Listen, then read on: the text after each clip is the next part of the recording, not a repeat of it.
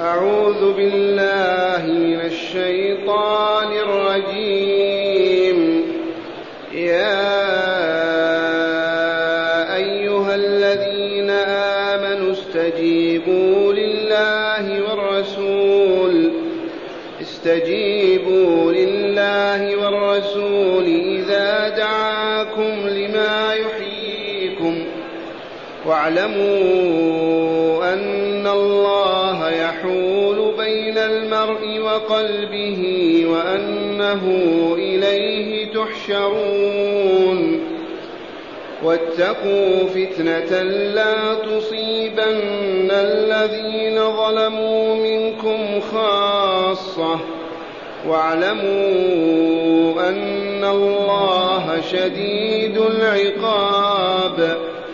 واذكروا إذ أنتم قليل مستضعفون في الأرض تخافون تخافون أن يتخطفكم الناس فآواكم فآواكم وأيدكم بنصره ورزقكم من الطيبات ورزقكم من الطيبات لعلكم تشكرون.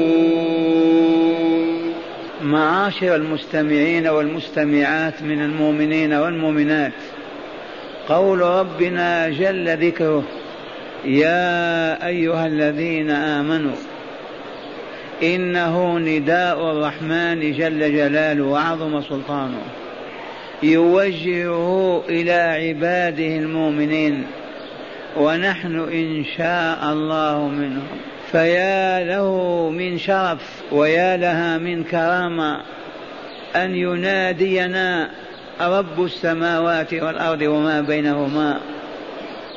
أن يوادينا ملك الملوك جل جلاله وعظم سلطانه.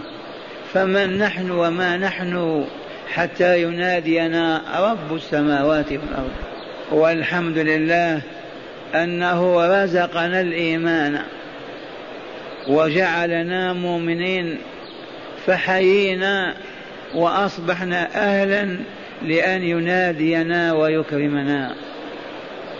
يا أيها الذين آمنوا لبيك اللهم مر نفعل إنها ننتهي. بشر نستبشر أنذر نخاف نحذر علمنا نتعلم. هذا لسان حال كل مؤمن ومؤمنة. إذ لا ينادينا الله ربنا جل جلاله إلا لواحد من هذه. إما ليأمرنا باعتقادي أو قولي أو فعلي ما يكملنا ويسعدنا في الدارين. أو ينادينا لينهانا عما يشقينا ويؤذينا ويخسرنا في الدارين. أو ينادينا ليعلمنا ما نحن في حاجة إليه لنكمل ونسعد. أو ينادينا ليبشرنا لتزداد الصالحات عندنا ويزداد رغبتنا في لقائه أو ينادينا ليحذرنا لينذرنا من مخاوف ومخاطر. نحن نقترب منها أو ينادينا ليعلمنا. معاشر المستمعين والمستمعات هل علمتم لماذا ينادي الله عباده المؤمنين؟ هل تستطيعون أن تعيدوا هذا الخبر بين إخوانكم أو ما فهمنا؟ بالاستقراء والتتبع. وجدنا مولانا تعالى نادانا في كتابه تسعين نداء. ما من نداء إلا وهو إما أن يأمرنا كقولك يا عبد الله اتق الله أو لينهانا لا تفعلوا كذا أو ليبشرنا أو ليحذرنا أو ليعلمنا. أما ينادينا لا لشيء تعالى الله عن اللهو واللعب. أود بكل رغبة أنه ما من مؤمن سمع هذا اليوم إلا ويحدث به نفسه وغيره. نقول عرفنا السر في نداء رب تعالى لنا. لما ينادينا؟ ينادينا ليأمرنا بأي شيء. بالذي إذا فعلناه كملنا وسعدنا نجونا وفزنا. أو ينادينا لينهانا عن اعتقاد أو قول أو, أو عمل من شأن أن يفسدنا ويورثنا الخسران والدمار في الدنيا والآخرة. أو ينادينا ليبشرنا فنزداد في الصالحات انطلاقا. وفي ميادين ميادين الخير سيرا ومسيرا. أو ينادينا لينذرنا عواقب ويخوفنا من أمور تأتي على حياتنا وتخسرنا خسرانا أبديا. أو ينادينا ليعلمنا ما نحن في حاجة إلى علمه ومعرفته. أما أن ينادينا لا لشيء فالله منزه عن الله والعبث وقد علمتم سر نداء الله لنا. ألا إنه ولايتنا له. المؤمنون أولياء الله. فلهذا يدعوهم ويناديهم ويبشرهم وينذرهم لأنهم أولياء. أولياءه يعلمهم ليرتفعوا ويسموا هذه الولاية تحققت لكم يا أولياء الله بماذا؟ بكثرة الدراهم والدنانير بشرف الأسر بسمو الفصائل والقبائل. بماذا؟ حزناها بالإيمان وتقوى الله. الإيمان والتقوى صاحبها ولي الله ومن آذاه. أعلن الله الحرب عليه وآذاه. من يقول تعالى من عادى لي وليا فقد آذنته بالحرب. فلهذا لا يسب مؤمن مؤمنا أبدا. ولا يقذفه ولا يشتمه ولا يناله بمكروه أبدا بل ولا ينظر إليه بنظرة شزراء ولا ولا لأنه ولي الله. من يقع على أن يؤذي أولياء الله. ولطيفا من لطائف العلم خذوها. عرف العدو. عدو الإسلام والمسلمين. المكون من ثلاثة فصائل. مجرمة منتنة المجوسية واليهودية والنصرانية. علم أن أولياء الله لا خوف عليهم ولا هم يحزنون. أهل القرية إذا عرفوا أنهم أولياء لله انتهى بينهم كل باطل وشر وسوء وظلم وخبث. ما يستطيع عبد مؤمن يزني بامرأة ولي الله. ما يقدر على هذا. ما يستطيع مؤمن يؤذي ولي من أولياء الله يسب أو يشتمه أو ينال منه أو يأخذ ماله. والله ما يقدر. فقالوا هيا كيف نطفئ هذا النور بينهم ليكونوا مثلنا؟ علمهم العدو الأول إبليس أبو مرة. وقال لهم احتالوا عليهم واحصروا الولاية في الموتى. احصروا الولاية في الموتى. لا تتركون وليا حيا. اجعلوا الولاية في الموتى فقط. ومن ثم من هم أولياء الله؟ الذين ماتوا وضربنا على قبورهم القباب ووضعنا التوابيت وأنارها بالشموع هؤلاء هم أولياء الله. أما ولي يمشي في السوق لا أبدا. وقد قلت وكررت القول قبل هذه الفترة قبل خمسين ستين سنة. لو تدخل القاهرة المعزية وتقول لأول قاهري تلقاه في الطريق. أنا جئت من بلاد بعيدة لزيارة أحد الأولياء في هذه البلاد. فدلني يرحمك الله على ولي. والله ما ياخذ بيدك إلا إلى ضريح ولا يفهم أن وليا بين الناس. هذه القاهرة أم العلوم والمعارف. أما بلد آخر كن موقنا أنك إذا دخلت القرية أو المدينة وواجهت أحد, أحد رجالها وقلت إني جئت لزيارة أحد الأولياء فأرشدني دلني عليها. والله ما يهديك إلا إلى قبر. يا شيخ لما تحلف نحلف لأني على علم. شيخنا وشبنا في هذه الدعوة. في من يعترض علي في هذا ما في أحد. لماذا؟ لأننا لو عرفنا أن أولياء الله يستطيع بعضنا أن يسب بعضا أن يشتم بعضنا بعضا أن يزني بامرأة بعضنا بعضا أن يسلب مال بعضنا بعضا أن يكره عدو ولي الله ويبغض والله ما يكون.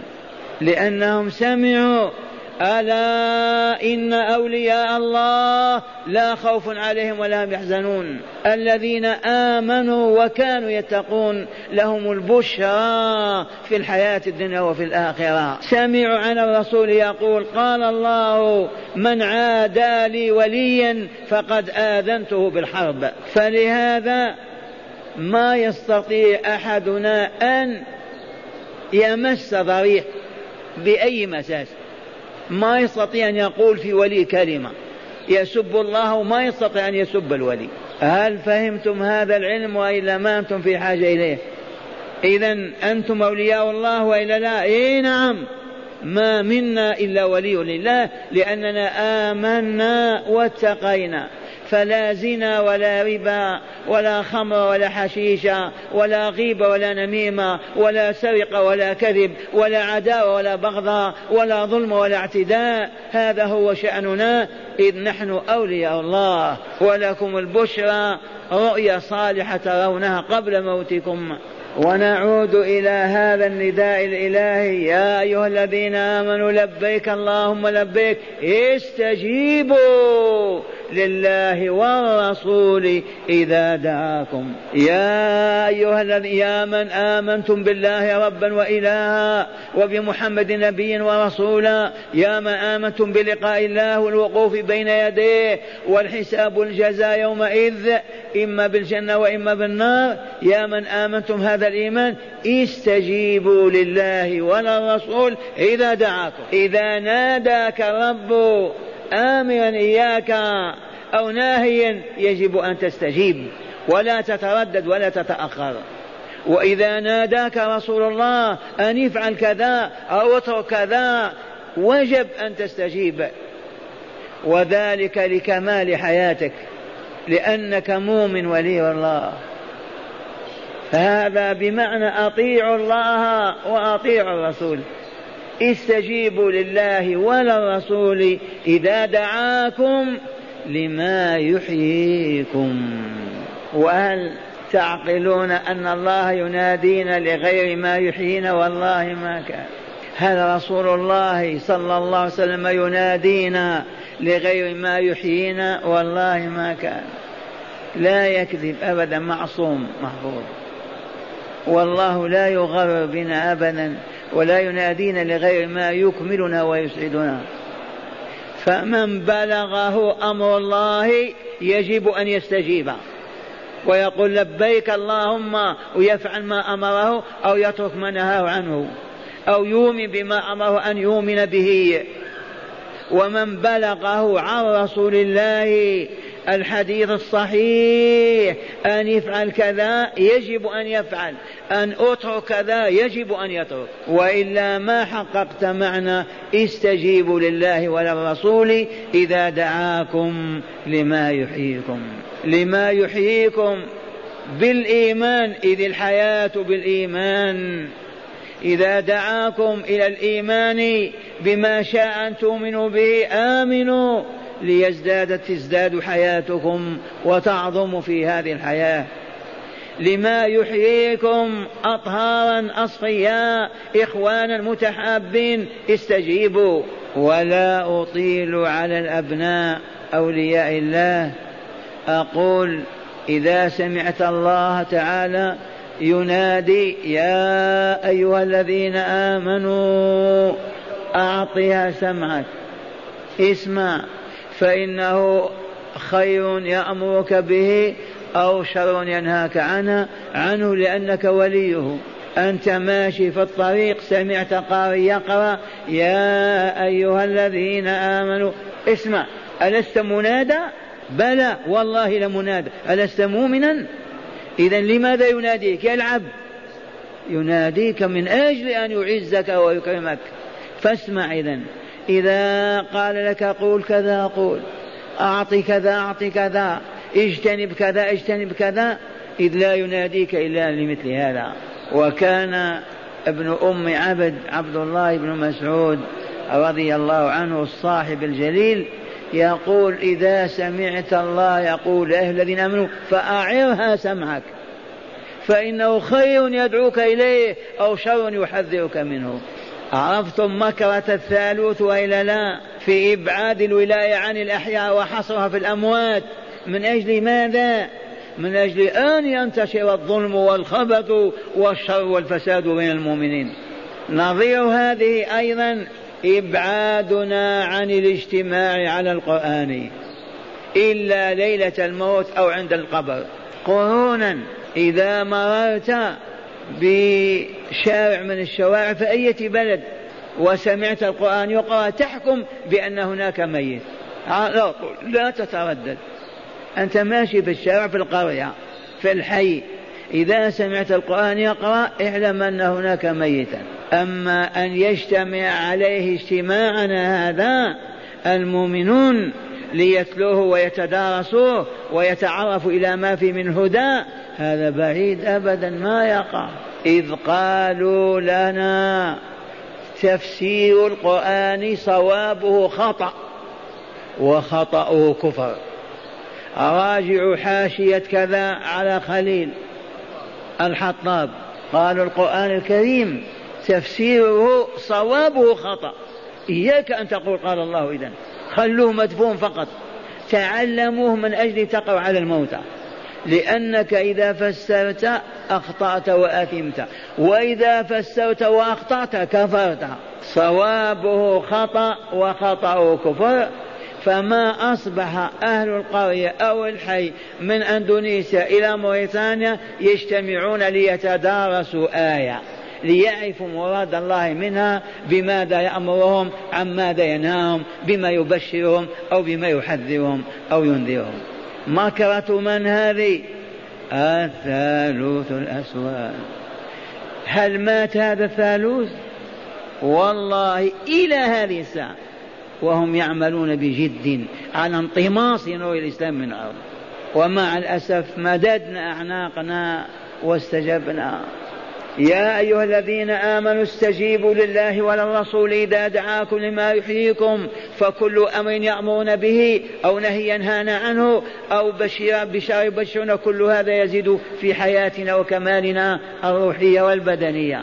ثم قال تعالى واعلموا يا عباد الله يا أولياء الله اعلموا ماذا نعلم؟ أن الله يحول بين المرء وقلبه. إياك أن تسمع النداء ولا تجيب. تشتغل بدنياك أو بباطلك أو بلهوك أو يغر بك عدوك وتعرض عن الاستجابة ولا تجيب. اعلم أنه قد يحال بينك وبين ذلك الخير. الله يحول بين العبد وقلبه.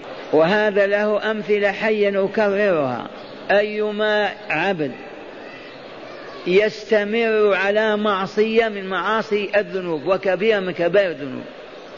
ويتعاطاها ويفعلها ليل نهار عام بعد عام تمضي فترة ويصبح لا يرجع عن تلك المعصية أبدا.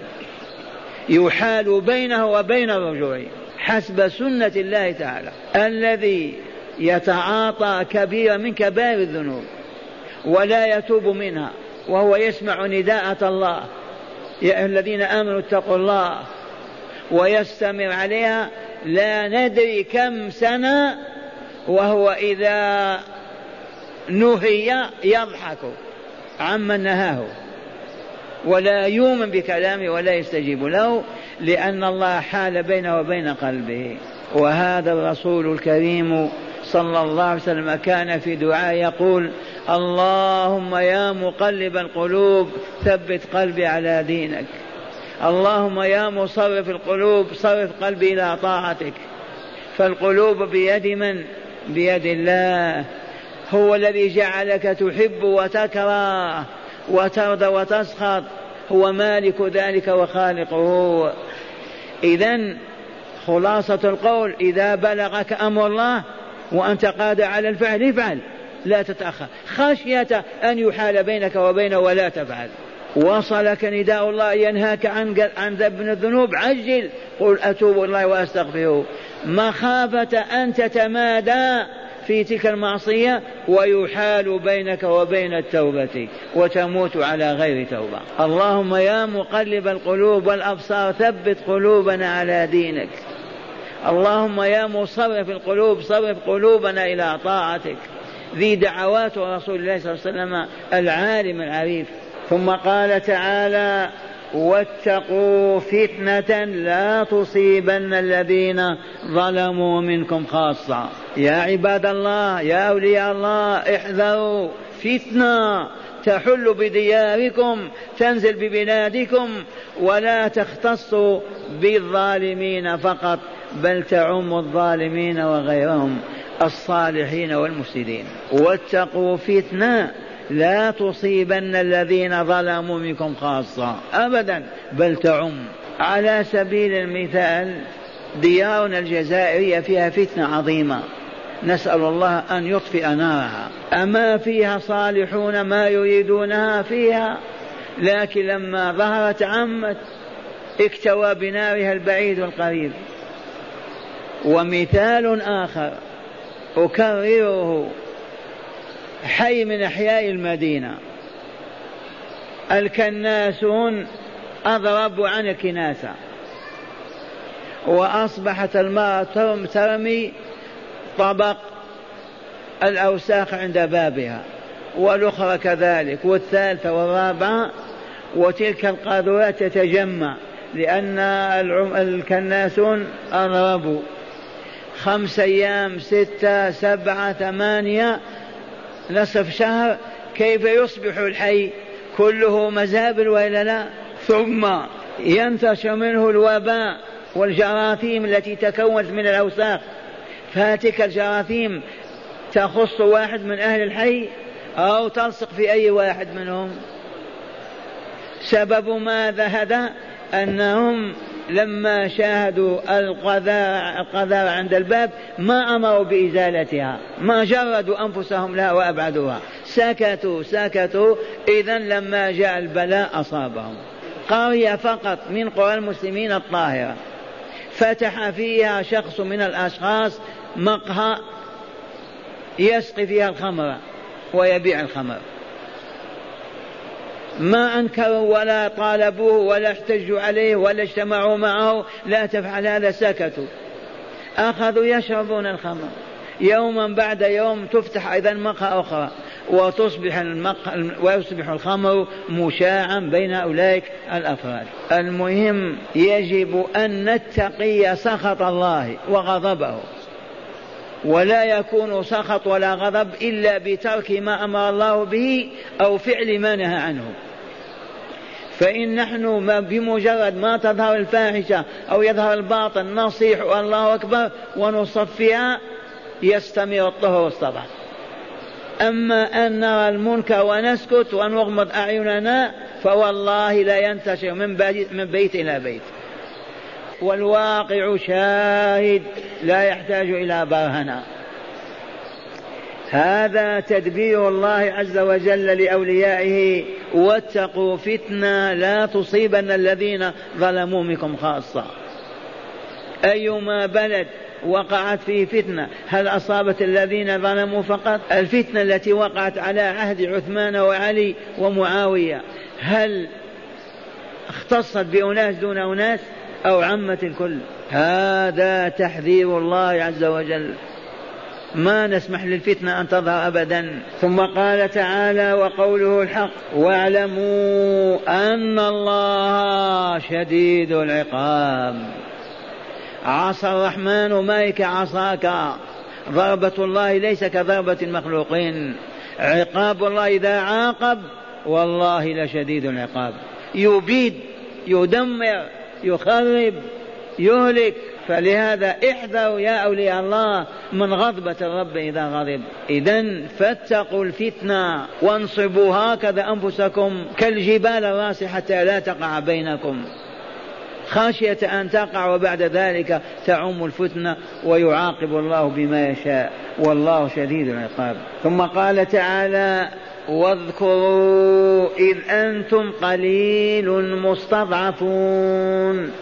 مستضعفون في الأرض تخافون أن يتخطفكم الناس فآواكم وأيدكم, وأيدكم بنصره ورزقكم من الطيبات لعلكم تشكرون. هذه الآية نزلت في أصحاب رسول الله صلى الله عليه وسلم. يذكر المهاجرين الذين هاجروا من مكة إلى المدينة. أما كانوا مستضعفين في مكة كل واحد يخاف أن يختطف في ليلة من الليالي. تخافون أن يتخطفكم الناس. فآواكم بالأنصار هنا وضمكم إليهم وأصبحت لكم قوة. وأيدكم بروح منه ونصركم في محافي حروبكم كلها مع المشركين.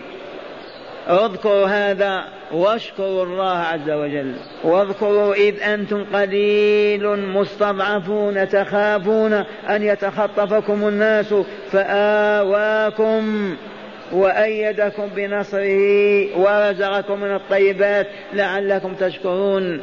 كانوا جياعا العرب كلهم كانت الفرس من جهة والرومان من جهة والأحباش من جهة وهم أذلة مضطهدون يتخطفون. ما إن دخلوا في رحمة الله وأسلموا حتى أصبحوا سادة الدنيا وقادة البشرية. وعم الخير والبركة والطعام والشراب وأصبحوا أسعد الناس. يذكرهم الله بهذه النعمة. ونحن ما عندنا نعم نذكر بها؟ والله إننا لفي نعم. لماذا ما نذكرها لنشكر الله عليها؟ على الأقل نقول الحمد لله. ما بيننا جائع ولا عاري ولا بيننا مظلوم مضطهد. أية نعمة أكثر من هذه؟ الحمد لله الحمد لله. وهكذا يقول تعالى واذكروا ما تنسوا. إذ أنتم قليل مستضعفون في الأرض تخافون أن يتخطفكم الناس فآواكم.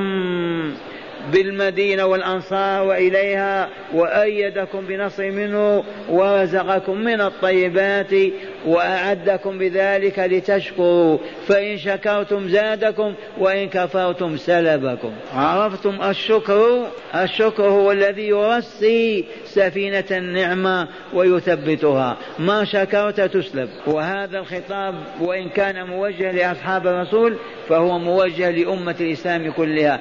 الحمد لله أن نصر الله أولياءنا أن نصر نبينا أن نصر أصحابه أن نشر دعوته حتى بلغتنا ونحن ننعم بها.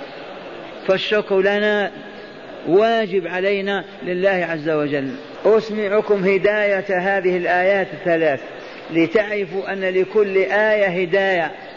وقد بينا لا توجد آية ما فيها هداية تهدي إلى الله وإلى الخير والمعروف. قال من هداية الآية أولا وجب أولا وجوب الاستجابة لنداء الله ورسوله بفعل الأمر وترك النهي لما في ذلك من حياة الفرد المسلم.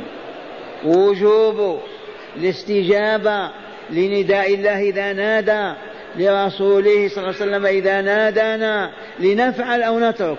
إذ لا ينادينا الله إلا لنفعل شيئا في صالحنا أو ينهانا عن آخر. أيضا في صالحنا. منين أخذنا هذا؟ من النداء الأول. يا أيها الذين آمنوا استجيبوا لله وللرسول إذا دعاكم لما يحييكم. ثانيا تعيين اغتنام فرصة الخير قبل فواتها. فمن سنحت لا فمن سنحت لل فمتى سنحت المؤمن فرصة تعين عليه اغتنامها؟ ماذا نقول؟ تعيين اغتنام فرصة الخير. نعم تعين اغتنام فرصة الخير قبل فواتها فمتى سنحت المؤمن تعين عليه اغتنامها؟ إذا رزقك الله شيئا من الخير حافظ عليه اغتنم الفرصة فيه قبل أن يسلم منك. مثلا رزقك الله بوظيفة تقتات منها. هذا فضل الله وإلا لا؟ إذا لا تضيعها بأساليب المكر والخداع أو كذا أو الأباطيل فتسلب منك. رزقك الله زوجة صالحة نعمة هذه وإلا لا؟ حافظ عليها بآدابها بأخلاقها لا تسخط لا تغضب لا تلعن أو سوف تنقل منك وتخرج من يديك. وأنت الذي تطلقها. وهكذا رزقك الله تجارة خفيفة تستفيد منها عشاك وغداك حافظ عليها لأنها نعمة. لا تغش ولا تخدع ولا تراب ولا تكذب. خشية أن تسلب منك. رزقت علما وعرفت. طبق ذلك اعمل به علمه ليبقى ويستمر. فإن عرفت وما عملت ولا علمت والله لا يفارقك.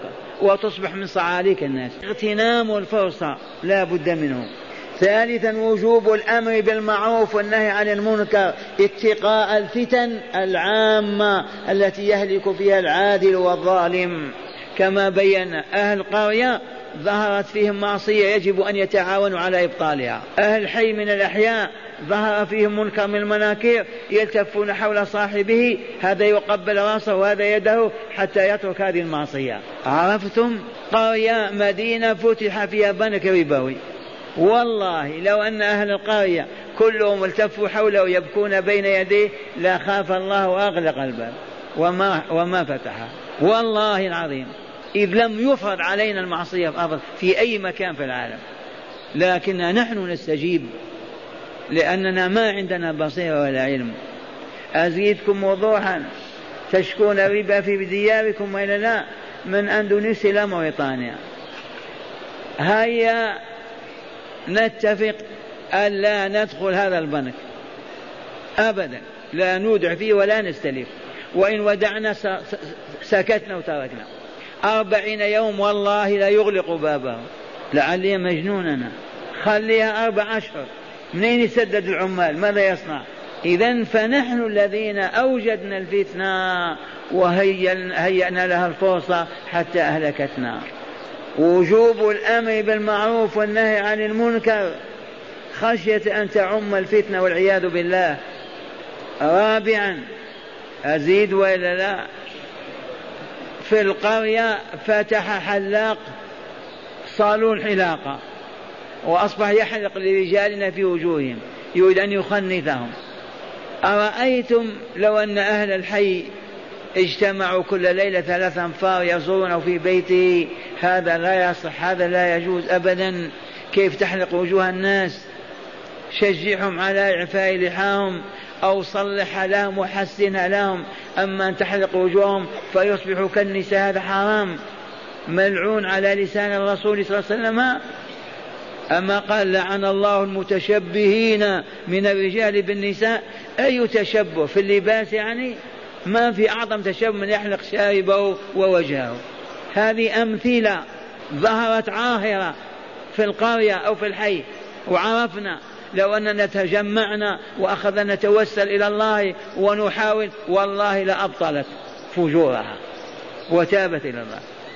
المهم إذا ما تآمرنا بالمعروف وتعاوننا عليه وتعاون على ترك المنكر لا بد وأن يعم المنكر وينتهي المعروف.